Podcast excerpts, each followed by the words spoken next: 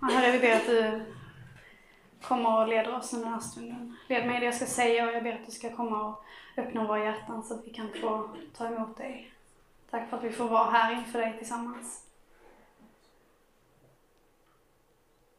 Kom med din kärlek. Tack för att du älskar oss. Amen. Yes. Jag ska prata om tre punkter. Aldrig varit med om innan va? Första punkten är jättemycket längre än de två andra, så att när ni känner att om ni fortfarande på första punkten så kan ni tänka, ja ja, men de två senare är mycket kortare. Och vi kommer också ha en paus efter första. Och eh, temat för ikväll är Guds löften och jag. Eh, så lite så här, ja men hur rör det mig och så här. Eh, och den första punkten det handlar om Guds löften och det gör med vad vi kan tänka om Gud och hur vi kan leva i det. Ehm, och också om Guds icke-löfte. Alltså Guds löfte och Guds icke-löfte. För att jag tror att om vi har en förväntan på vad Gud har lovat, som han inte har lovat, så kan, så kan vi ha en falsk förväntan på vad Gud ska göra för oss och så, och då kan vi bli väldigt besvikna på Gud. Ehm, för att vi har en falsk bild av honom. Så det ska vi börja med. Jag ska prata om tre löften. Så att de här tre, den första punkten handlar om tre löften. Ehm, och det första är att Gud, han lovar att han ska vara med oss. Alltid. Jesus han säger, eh, jag är med er alla dagar intill tidens slut. Jag tror att vi har en, en inneboende rädsla för att bli ensamma. Ehm, och att bli, bli bortglömda. Att vi gör massa saker för att få uppmärksamhet, för att bli sedda. För att vi är väldigt, en, väldigt rädda för att man ska bli ensam kvar och bli bortglömd och ingen ska veta vem jag är och ingen ska veta att jag finns. Men det är så att Gud, han har lovat att han alltid är med dig. Du kan, du kan vara bortglömd av människor. Men du kan inte vara bortglömd av Gud. Um, Jesu löfte gäller alltid. Han säger på ett annat ställe att himmel och jord ska förgå, men mina ord ska aldrig förgå. Så hans ord, att jag är med dig alla dagar intill tidens slut, det gäller liksom oavsett, liksom, whatsoever händer i världen så gäller det fortfarande. Um, vi får lägga bort den här oron som vi kan ha över att, ja men vad ska hända och vad liksom, kommer allting gå? Och tänka att ja men Gud, Gud tar hand om mig, Gud är med mig, Gud leder mig. Uh, och vi kan komma inför Gud med en förväntan om att han lyssnar, och han bryr sig och att han alltid vill välkomna oss. Ehm, men Gud lovar inte att han kommer skydda oss från all typ av ondska och smärta och lidande i världen. Det är inte så att som kristen så kan vi förvänta oss att eh, eftersom Gud älskar oss och Gud är god så kommer allting gå bra för mig, jag kommer liksom vara framgångsrik och jag kommer få gå den väg som jag tycker och det kommer vara fetast, roligast, enklast. Det finns inget sådant löfte om att Gud kommer leda dig på den, för dig, enligt dig, roligaste, bästa, fetaste, framgångsrikaste vägen. Ehm. Det är väldigt tydligt i Bibeln att de kristna förväntar sig inte att det ska vara enkelt, utan de förväntar sig kamp och motgång. Det, det finns liksom med redan från början. I Apostlagärningarna när Paulus och Barnabas eh, två stycken eh, missionärer, de träffar några som precis har blivit kristna. Och så står det att de, eh, ska se, jag läser rätt.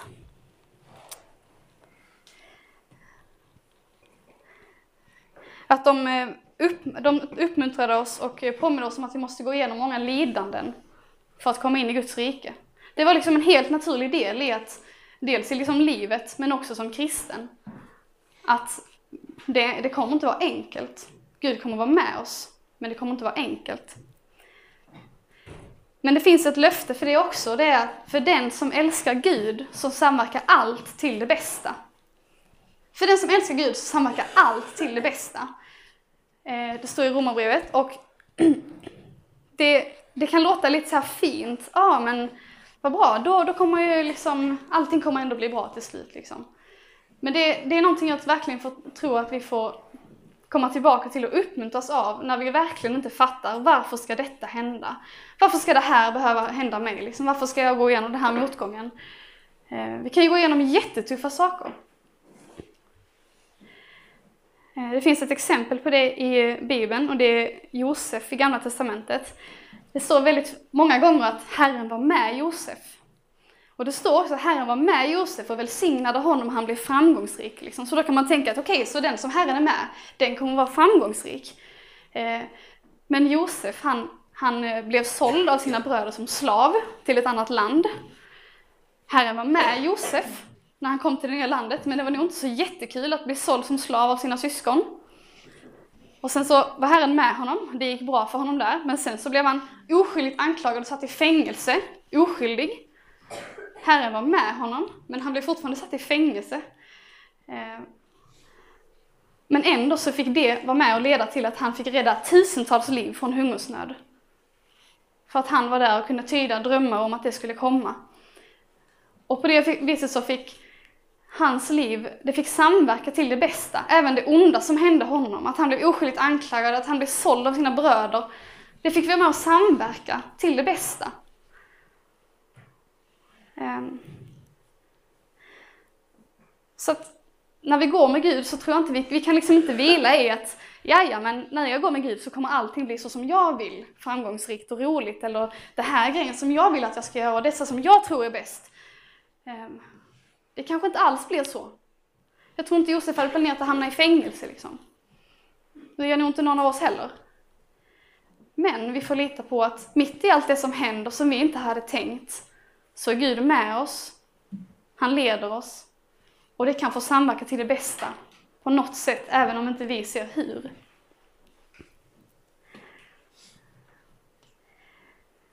Ehm, mm, det var det första löftet.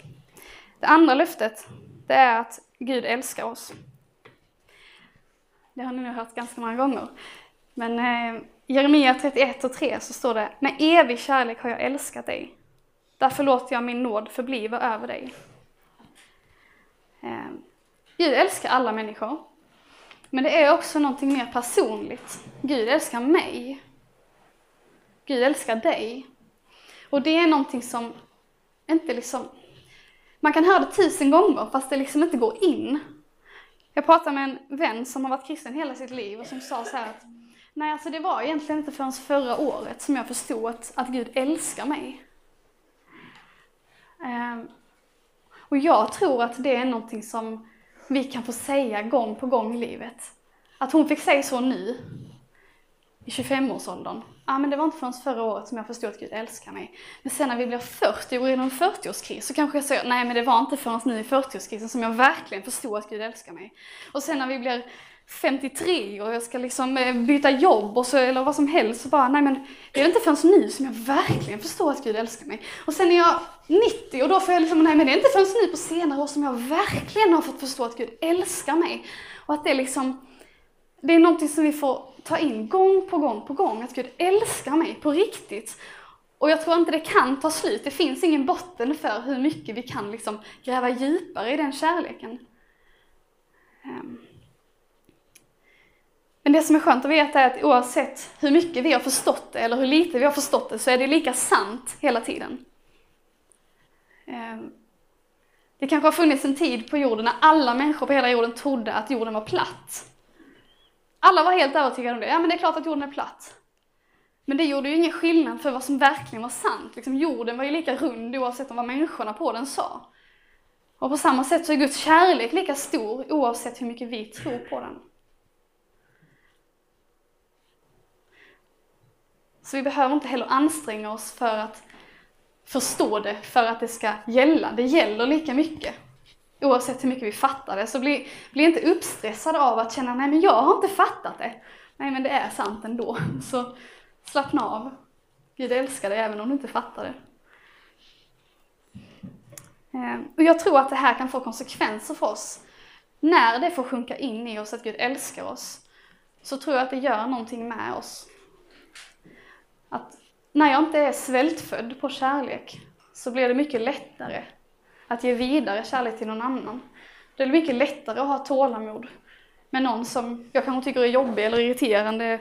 Det blir mycket lättare att bry mig om en människa som jag tycker inte bryr sig om lika mycket mig tillbaka. För jag måste inte hela tiden få själv. Utan jag agerar utifrån ett överflöd av kärlek. Och det är, skulle jag säga, essensen av kristen gemenskap. Att agera utifrån Guds kärlek. Se hur de älskar varandra, står det i Bibeln, om de kristna. Därför att det handlar inte om att vi ska älska först, utan att Gud älskar oss. Och utifrån det så får vi präglas och ge vidare. Men det måste börja i Guds kärlek. Det måste börja i att Gud älskar oss. Och sen får det prägla oss för att vi har råd. Vi kan bjuda på det, för det, det finns liksom hela tiden mer. Jag har råd att bjuda dig på att jag kan tycka om dig fastän du kan vara jobbig mot mig. Jag har råd att tycka om dig ändå. Jag måste inte kräva tillbaka.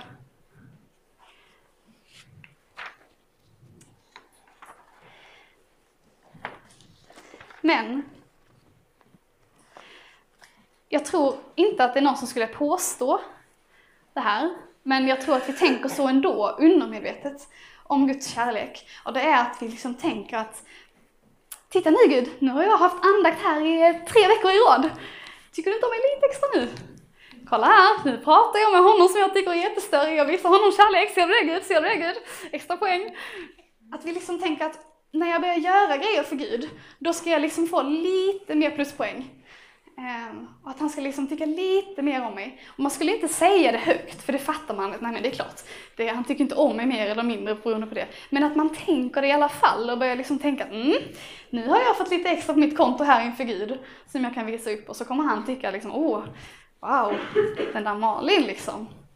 Och på samma sätt åt andra hållet, när man inte har gjort så bra ifrån sig så liksom tänker man, ah, nu, nu ligger jag ju på minuskontot här liksom, nu, nu måste jag börja skärpa mig. Nu, nu kan jag inte liksom sjunga med upplyfta händer för nu, ja, liksom Gud vet ju vad jag har gjort liksom. Eh, och så tänker man att det, man inte förtjänar det på något sätt. Eh. Och Gud ser ju vad vi gör. Gud ser våra handlingar och Gud älskar när du har andakt varje dag i tre veckor. Gud älskar när du pratar med människor för att de behöver bli sedda. Men det är inte så att han tycker om dig mer för det. Du kan liksom inte förtjäna Guds kärlek mer eller mindre. Du kommer vara lika älskad oavsett.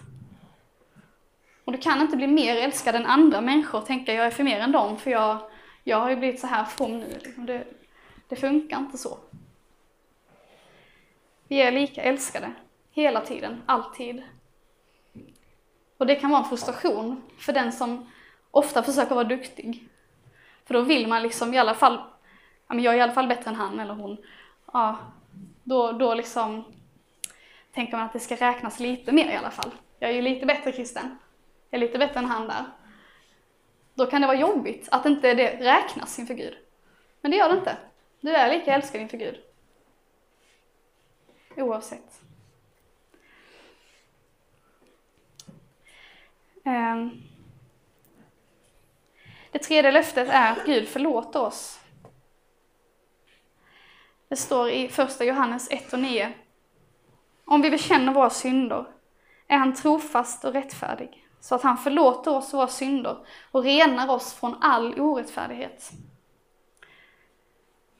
Alltså om vi bekänner våra synder är han trofast och rättfärdig så att han förlåter oss våra synder och renar oss från all orättfärdighet. All orättfärdighet. Eh, och det är liksom helt förlåtet. I Jesaja 43.25 står det, det är jag, jag som för min egen skull stryker ut dina överträdelser. Dina synder kommer jag inte mer ihåg. Och jag tror det finns två, eh, eller jag tror det finns fler diken kring förlåtelse, men jag ska ta upp två diken. Och det ena tror jag är att vi liksom, vi tänker liksom, ja men Gud förlåt mig för alla mina synder och sen så bara, ja, nu är skönt, nu är jag förlåten. Och sen så går man vidare liksom. Och så stannar man inte upp inför det. Man kanske ber med i syndabekännelsen fast man liksom, det är som en ramsa i gudstjänsten. Eller man kanske ber aftonbön någon gång och så säger man, ja ah, men förlåt mig för allt dumt jag har gjort. Och sen så tänker man inte mer på det och så, så är allt frid och fröjd tycker man. Och jag tror att det finns en risk med det.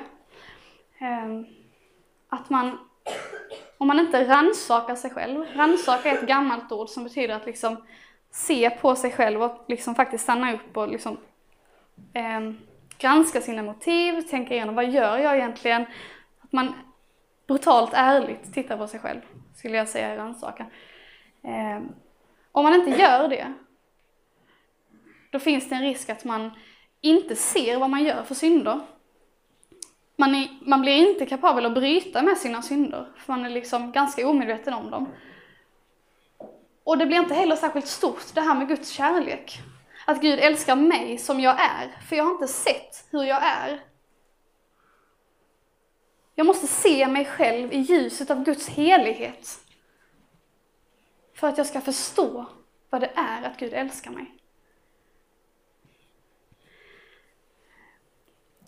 Så jag tror att det finns en väldig eh, poäng i att faktiskt rannsaka sig själv och faktiskt stanna upp inför, ja, vem är jag? Hur lever jag? Vad har jag att bekänna för synder? För när man vågar se på sig själv på det sättet så blir det också mycket större att Gud verkligen tycker om mig, dog för min skull. Den andra risken tror jag är att man, när man ber syndabekännelse så är det alltid samma sak som man kommer att tänka på ja det är den här grejen liksom, åh, det, varför gjorde jag detta liksom? Jag ångrar det så mycket och jag liksom bekänner det om och om och om igen. Och det är bara det som kommer tillbaka i tankarna igen och igen. Och man liksom, när man ska be om förlåtelse eller när man ska be överhuvudtaget så tänker man att det är bara den här grejen Gud ser, alltid, när han ser på mig. För när jag ber till Gud så kommer detta upp. Ja, just det, jag, jag har gjort detta. Mm, jag har gjort detta, jag vet, jag har gjort detta. Och så ber man om, om förlåtelse gång på gång på gång. För samma sak, för att man liksom inte kan släppa det. Ehm, för man har dåligt samvete. Och det tror jag, då tror jag att det kan finnas en poäng i att gå till bikt. Ehm, att bekänna sina synder inför en präst. Det kommer ni kunna göra ikväll eh, inför Ove. Ehm, men finns det ingen som du kan bikta dig för så kan man också göra det till en, till en kristen som man känner, en vuxen eller en vän. Och bara, alltså jag kan inte släppa den här grejen som jag har gjort. Jag kan inte komma över att, eller jag kan, jag kan inte släppa att jag har gjort det och jag kan inte tro på att Gud verkligen har förlåtit mig. Och så kan man be och syndabekänna sig tillsammans och så kan man som vän få läsa, ja men okej, men om du, jag får ett exempel, om du Edvin bekänner dina synder så är Gud trofast och rättfärdig så att han förlåter dig dina synder och renar dig från all orättfärdighet. Du är förlåten. Så får man hjälpa varandra att uttala de här orden så att man kan tro på dem. Det är superläskigt att bekänna synder inför en annan människa. För man kan känna sig så dömd. Men det är också otroligt befriande att få höra förlåtelsen från en annan människa.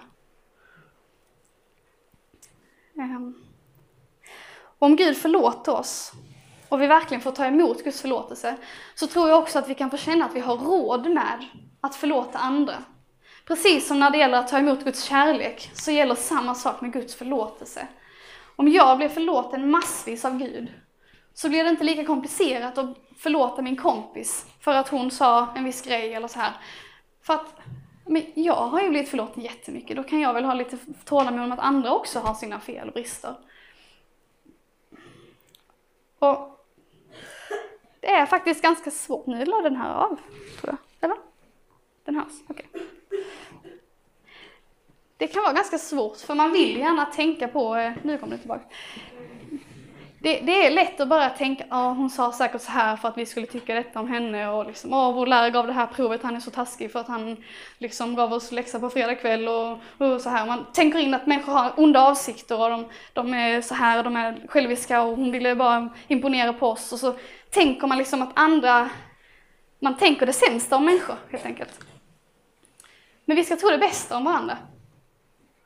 Vi ska, tänka det, vi ska tänka gott om varandra, tala gott om varandra. Ge en ny chans till varandra och var, alltid vara den första att förlåta. Jag funderade på, kring det här med vad Gud lovar inte kring förlåtelsen och jag tyckte det var väldigt svårt för att förlåtelsen är väldigt definitiv. Du är förlåten och då är du förlåten. Men samtidigt som jag också vill säga att jag tror att vi ändå verkligen ska ta det på allvar. Att be Gud om förlåtelse, det är inte som att Gud är en automat, bankautomat med nåd liksom. Så man går runt och lever sitt liv och gör vad som helst och sen tänker man, ja okej, då kan jag gå ut och hämta mig nåden och sen fortsätter jag göra mitt liv som jag gjorde innan. Det finns en nidbild av kristendomen, har jag sett på i alla fall i mitt liv, att ja men kristna de kan ju bara, de, de tror på Jesus och sen kan de göra vad som helst för att det är ändå inte det som frälser dem utan det är bara att de tror på Jesus. Så då kan de göra vilket skit som helst i livet. De behöver inte ha någon, någon eh, moral överhuvudtaget för att det gör ändå ingen skillnad. Och så är det inte. Om man läser i Bibeln så är det väldigt tydligt att ta emot Gud, det måste också få prägla våra liv. Vi kan inte bara hämta ut förlåtelsen och sen strunta i Gud och strunta i Guds vilja. I Gamla Testamentet så hade de ju offer och offrade för sina synder. Eh, och då kan man ju tänka att ja, okej, okej, men då kan jag göra vad jag vill. Jag kan liksom bedra min granne och sen kan jag vara otrogen och så, sen kan jag bara gå och offra liksom. Eh, men det säger Bibeln också att nej, på det sättet funkar inte offer. I Psaltaren 51, som man för övrigt kan använda som syndabekännelse, det är en syndabekännelse av David, så säger han Slaktoffren gläder dig inte, annars skulle jag ge dig sådana. Brännoffren tycker du inte om. Offer som Gud vill ha är en förkrossad ande. Ett förkrossat och bedrövat hjärta föraktar du inte Gud. Det är inte bara en formel att säga, förlåt mig. Så här, ah, förlåt mig alla mina synder. Det handlar om ett hjärtas inställning. Att komma inför Gud och säga Gud, jag behöver dig. Jag vill bryta med mina synder, men jag kan inte. Jag behöver din förlåtelse. Och inte bara säga orden, utan att mena det med hjärtat. Um. Ja. Men när vi menar det med hjärtat, när vi kommer till Gud, då får vi också lita på att dina synder kommer jag inte mer ihåg. Han renar oss från all orättfärdighet. Ehm, det är gott. Så att de tre löftena, Gud är alltid med oss. Men det betyder inte att det alltid kommer att vara enkelt. Gud älskar dig, men du kan inte förtjäna mer kärlek genom att göra massa bra grejer. Och Gud förlåter dig. Men använd inte nåden som en uttagsautomat. Eh, nu ska vi ha en liten eh, bensträckare så ni ska få resa er upp. Och så eh, på önskemål från några deltagare så ska vi göra en eh, pausövning som jag gjorde på en ungdomsgrupp. Vi ska sjunga huvud, axlar, knä och tå. Vi kör den en gång ganska snabbt och sen pausar vi. Sen ska ni få en instruktion, så vi kör. Huvud, axlar, knä och tå, knä och tå. Huvud, axlar, knä och tå, knä och tå. Ögon, öron, kinder, klappen får. Huvud, axlar, knä och tå, knä och tå. Okej, okay. och nu så kör man på sin granne, så man kör rörelserna på grannen liksom. Eh, så. Huvud, axlar, knä och tå, knä och tå. Huvud, axlar, knä och tå, knä och tå.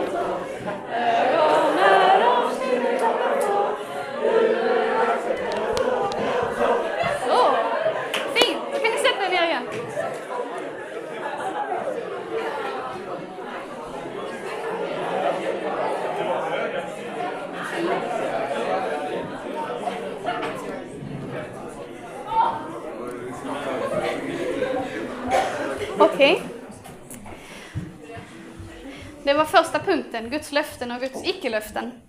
Den här sjunker hela tiden, jag ska bara höja den lite. Är det något som alla har tänkt på hela tiden när jag pratar? Så. Okej, nästa punkt är eh, Guds löften och hur de kan följa mig i min vardag. Eh, jag har vetat i några månader att jag ska komma hit eh, och jag brukar eh, ut och springa ibland och så brukar jag lyssna på predikan medan jag är ute och springer. Och då har jag, det är väldigt fromt, då brukar jag eh, sondera lite så här, okej okay, jag ska snacka om det här med Guds löften. Så då har jag lite extra så öppna öron för vad, vad säger de om Guds löften eh, i predikningarna. Och eh, ganska ofta det kommer upp faktiskt med Guds löften, just att de nämner det som term. Eller bara att de nämner några specifika löften. Och det som återkommer väldigt mycket, det är och därför behöver vi höra Guds löften. Därför behöver vi komma till kyrkan och lyssna på Guds löften. Därför behöver vi påminna oss om Guds löften. Därför behöver vi mata oss med Guds löften. Det var väldigt mycket just att vi måste höra dem för att kunna leva i Guds löften. för att det ska få forma oss så måste vi faktiskt höra dem gång på gång. Det räcker inte att veta att det står där någonstans. Vi måste få höra det om och om, och om igen, för vi glömmer. Ehm. Och eh, det handlar om att, liksom, att lyssna på dem i predikningar. Det handlar om att lyssna på dem i Bibeln. Det handlar om att sjunga dem i lovsång. Att sjunga dem i lovsång och liksom predika och proklamera dem för sig själv och för de andra. Att få be dem, att få prata om dem med vänner. Ehm, att få återkomma till dem på olika sätt. Och det här är lite serious stuff. För ni börjar bli ganska stora nu. Och ehm, när man är barn så är det lite så att det som händer, händer. Man liksom föds in i en familj och någon ger en mat, då får man mat. Någon tar en ut på lekplatsen, då leker man på lekplatsen. Någon ger en de här kläderna, då har man de här kläderna. Någon gör någonting och man utsätts för det och man formas av det. Så blir man lite större och man kan välja mer själv, man kanske väljer vilken sport man vill gå på. Man väljer, ja, massa olika saker. Och man får mer och mer inflytande över vad man vill göra med sitt liv. Och så småningom blir man vuxen. Och då har man väldigt mycket inflytande över vad man ska göra i sitt liv. Man har fortfarande vissa plikter och vissa grejer man måste göra och så här, andra människor som, som styr över det på olika sätt. Men det är mycket mer man kan välja själv. Friheten som vuxen är ju eh, någonting väldigt roligt. Man kan göra det man vill liksom. Och det är kul, men det är också ansvarsfullt. Därför att det vi väljer att göra, det är det som blir ens liv. Och det man gör, det formar en. Um, och då är det så att ni är i den åldern nu, när ni kan välja väldigt mycket själva och det kommer forma er för resten av era liv. Det kommer de allt, allt, alla val ni gör framöver kommer forma er för resten av era liv. Liksom. Även när ni är 80 så formar ni också er. Men nu är ni i den åldern när ni ska börja, börja göra de valen mer och mer. Och då är det så att om du läser Bibeln så läser du Bibeln. Men om du inte läser Bibeln så gör du inte det. Om man inte åker till kyrkan så åker man inte till kyrkan. Om man inte ber så ber man inte. Det blir liksom inte att någon annan gör valen åt en. Och det blir liksom ens liv och man formas av det. Och det är ett ansvar själv. Vem vill jag vara? Vad vill jag leva för liv? Vad vill jag göra för val? Vad vill jag lägga min tid på? Vad vill jag lägga mina pengar på?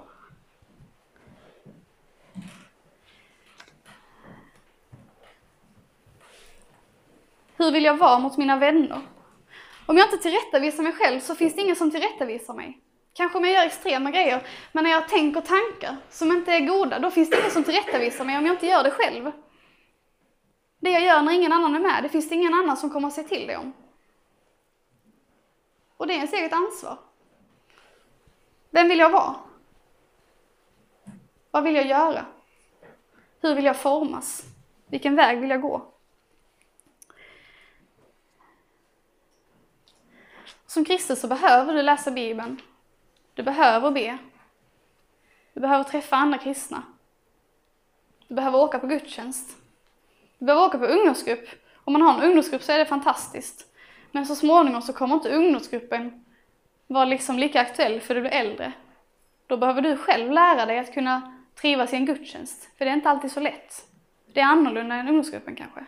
Man kanske tycker att det är en dålig kyrka, man tycker att ja, men prästen har pratat för länge och det är så här, så här. Men det är liksom, det är ditt val. Vill jag lära mig att gå på gudstjänst eller vill jag inte det?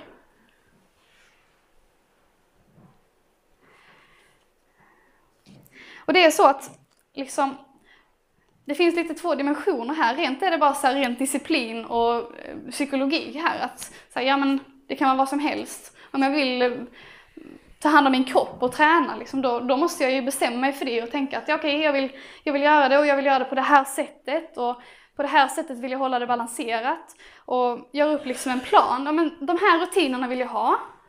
Eh, så här ska jag göra för att komma ihåg dem. Jag måste bestämma mig för det igen och igen. Jag kan liksom inte bestämma det en gång och sen så står inte jag och tänka på det för då kanske jag glömmer det.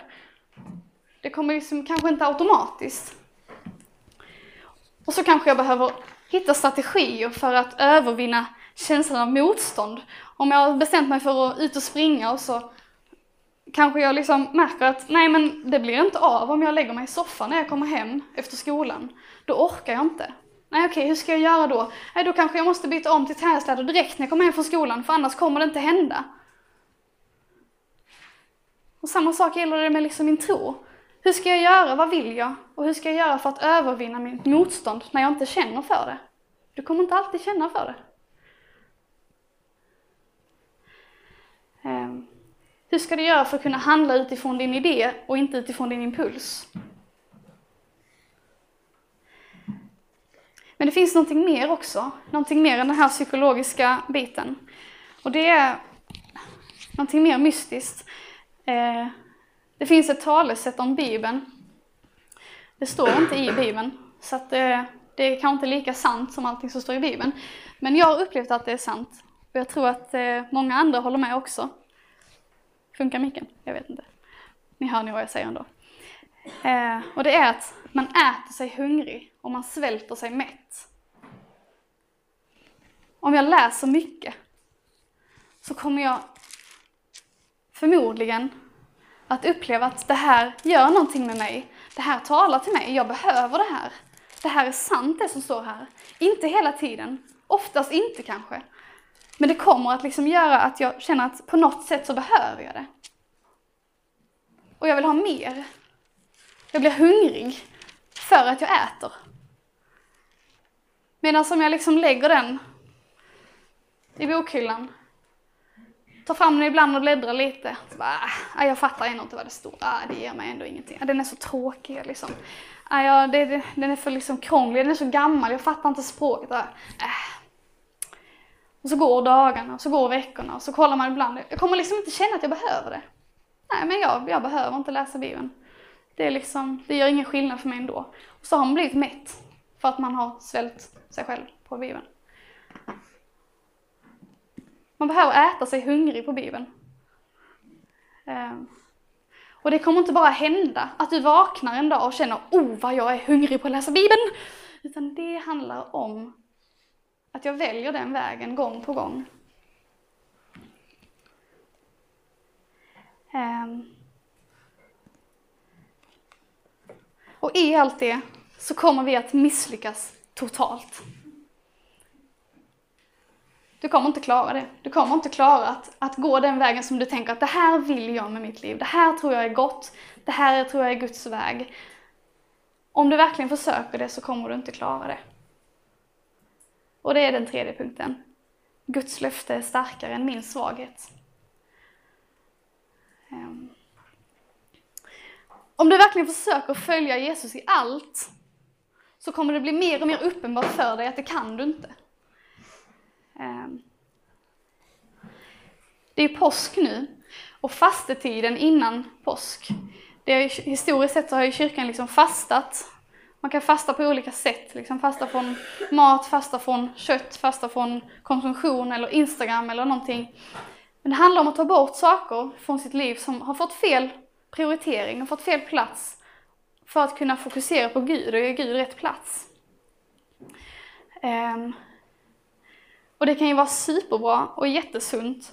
Men syftet med fastan är inte främst att du ska liksom Åh, nu ska jag vara så här, leva extra bra och liksom verkligen välja Gud före allt och så ska jag liksom komma ur fastan och bara yeah I did it! Nu är jag elitkristen. Nu blev det väldigt högt här. Det är liksom inte, meningen är inte att du ska känna, fy vad jag är lyckad som kristen, nu har jag gått igenom värsta sånt träningsläger i min tro, så nu är jag riktigt vältränad, nu är jag, mm, wow vad jag är bra kristen. Det är inte syftet med fastan. Syftet med fastan är att driva dig närmare korset. Att förbereda dig för påsken genom att liksom försöka ge Gud den rätta platsen och inse att du klarar inte det. Och inse att korset är min enda räddning.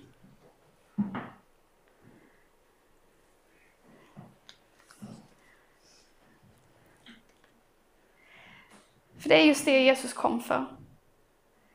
För allt det som vi inte fixar själva. Och då är det väldigt gott att veta att Guds löften de gavs liksom inte till oss utifrån tanken att jaja, men de gäller när vi, när vi liksom har klarat att ta emot Gud, när vi har klarat allting som vi ska göra och sen så kommer Gud och räddar oss. Liksom. Det står, men Gud bevisar sin kärlek till oss genom att Kristus dog i syndarnas ställe medan vi ännu var syndare. Medan vi fortfarande är syndare, då tycker Jesus att ja, men jag ska dö för er. Oavsett om ni liksom vill ha mig eller inte.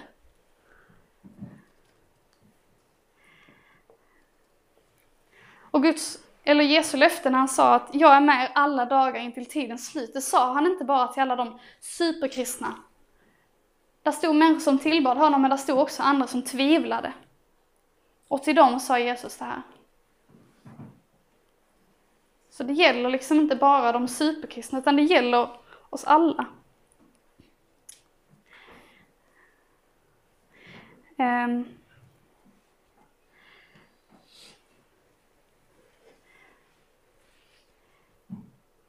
Och Guds löfte om förlåtelse är väldigt tätt förknippat med löftet om Guds kärlek. Ni hörde så här att men Gud bevisar sin kärlek till oss medan Kristus dog, genom att Kristus dog i vårt ställe medan vi ännu var syndare. Att det försoningen är ett tecken på att han älskar oss. Och det är också att han ger oss förlåtelse. Ehm. Och det behöver vi alla. Det finns liksom ingen som inte behöver det. Det finns en eh, judisk högtid, lövhyddohögtiden, som eh, Jesus också firade. Eh, och den, ja, vi behöver inte gå in på så mycket om den, men de, de, de, de judarna de samlar fyra olika eh, kvistar, eller olika trädslag, eller vad man ska säga, eh, växter, som de, de bygger lövhyddor av, eller så. Och sen så har de då en, en samling av de fyra olika sorterna och de står för olika saker. Ehm, en som står för att, det är fyra sorter, den ena står för, den ena har både smak och doft och den står för att det finns judar som både har tro på Gud och de har goda gärningar. Sen finns det de som bara har smak men inte doft.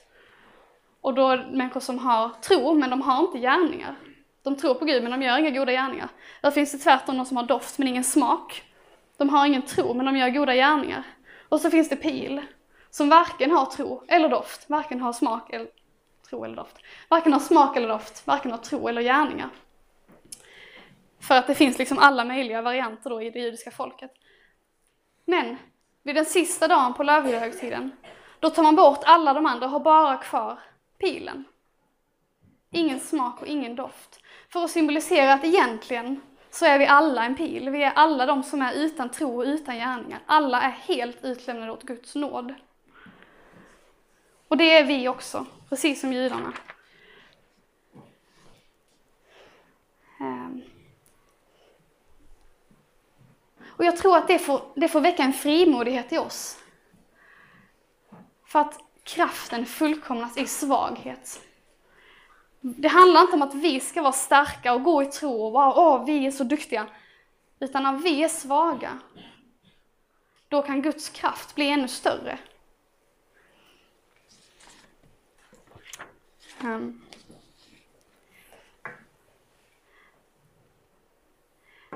Det är så att det slutar ju inte heller med korset. Det driver oss till korset. Fastan, våra försök, våra försök att närma oss Gud, det driver oss till korset. Men det slutar inte vid korset. Spoilervarning för imorgon, påskdagen. Jesus uppstod också. Och vi kommer gå igenom massa jobbiga grejer i livet här. Men det kommer komma en dag när allt kommer att bli bra. Gud kommer att torka alla tårar. Döden ska inte finnas mer. Ingen sorg och ingen gråt och ingen plåga. Allt kommer att bli bra. Jag åkte buss till ett släktkalas för ett tag sedan. Och eh, då på vägen när jag åkte bussen så, så stod där en skylt. Som det stod, allt kommer att bli bra. Och jag var ofta, vem har satt upp den där? Och det uppmuntrade mig väldigt mycket för att det är lätt att oroa sig mycket. Så bara, nej men okej, okay, allt kommer att bli bra. En dag kommer allt att bli bra. Eh, Gud kommer att segra. Och det hoppet får vi ha med oss genom allting som vi går igenom, allting som är jobbigt. Det är liksom ganska enkelt att vara kristen här på läger. Man får liksom servas med att någon annan gör valet att sjunga lovsång åt mig. Någon annan gör valet att lyssna på undervisning åt mig för att det är det som är på schemat. Och så vidare. Det är ju fantastiskt att ni har valt att åka hit. Det är ett jättebra val. Fortsätt med det. Eh, fortsätt göra sådana goda val. Men när man kommer hem är det inte lika enkelt. Och då tror jag att vi får ha med oss hoppet om att, ja, det är liksom grå, grått tugg ofta i vardagen. Jag får fortsätta göra de valen som formar mig till att bli mer lik Jesus i vardagen. Jag kommer misslyckas med det och jag kommer försöka igen och så får jag misslyckas, komma tillbaka till det och tänka ja fast en dag så kommer slitet vara över. Allting kommer att bli bra. Och vi får stämma in i Abraham som de beskriver i Romarbrevet att han var övertygad om att vad Gud hade lovat, det var han också mäktig att hålla. Um. Låt oss ha blicken fäst vid honom, trons upphovsman och fullkomnare, som istället för den glädje som låg framför honom utstod korsets lidande utan att bry sig om skammen och som nu sitter på Guds tron. Och det får vi prisa honom för, att han var beredd att gå igenom korset, men det slutar inte heller där, utan han har vunnit över, över döden. Sluta inte med döden. Um.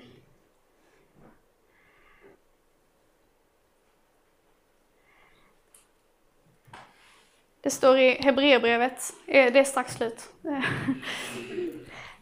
Hebreerbrevet 11 är helt fyllt av exempel på människor i Gamla Testamentet som gjorde saker i tro. I tro så gick de ut ur Egypten, i tro så sökte de ett nytt land, i tro, i tro, i tro. I tro gjorde de allt, allt, allt detta. Och sen kommer kapitel 12 och då står det, när vi alltså har en så stor sky av vittnen omkring oss, låt oss då lägga bort allt som tynger, och särskilt synden som snärjer oss så hårt, och löpa uthålligt i det lopp som vi har framför oss. Och låt oss ha blicken fäst vid honom, trons upphovsman och fullkomnare, som istället för den glädje som låg framför honom utstod korsets lidande, utan att bry sig om skammen, och som nu sitter på Guds tron. Så vi får lägga bort allt som tynger, särskilt synden. Vi får lägga bort den och bara säga nej, jag vill inte. Jag vill inte göra det här. Det kommer bara göra negativa konsekvenser både för mig och andra. Jag lägger bort det nu. Och så får vi löpa uthålligt, vi får kämpa på. Och bara springa vidare. Tillsammans. Och ha blicken fäst vid honom. Det är väldigt lätt att börja ha blicken fäst på sig själv och sin egen, åh nu ska jag springa här, nu ska jag liksom, allt jag ska göra. Vi får ha blicken fäst på Jesus. Um. Och låta det få prägla oss i våra hjärtan. Eh, och låta det få um, sjunka in mer och mer. Att Jesus älskar oss.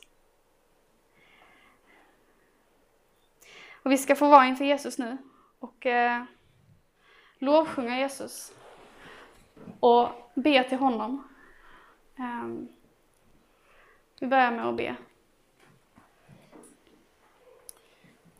Tack Gud för alla dina löften. Tack för att du alltid är med oss.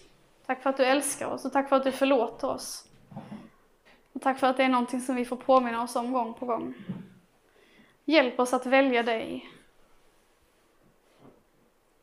Hjälp oss att höra din röst mitt bland alla andra röster som vill fånga vår uppmärksamhet. Tack för att du har dött för vår skull. Tack för att du lever idag. Tack för att du segrade över döden och tack för att du finns här med oss. Hjälp oss att leva som om du verkligen lever. Hjälp oss att verkligen tro på det. Och låta det få, få prägla våra hjärtan och få prägla våra liv.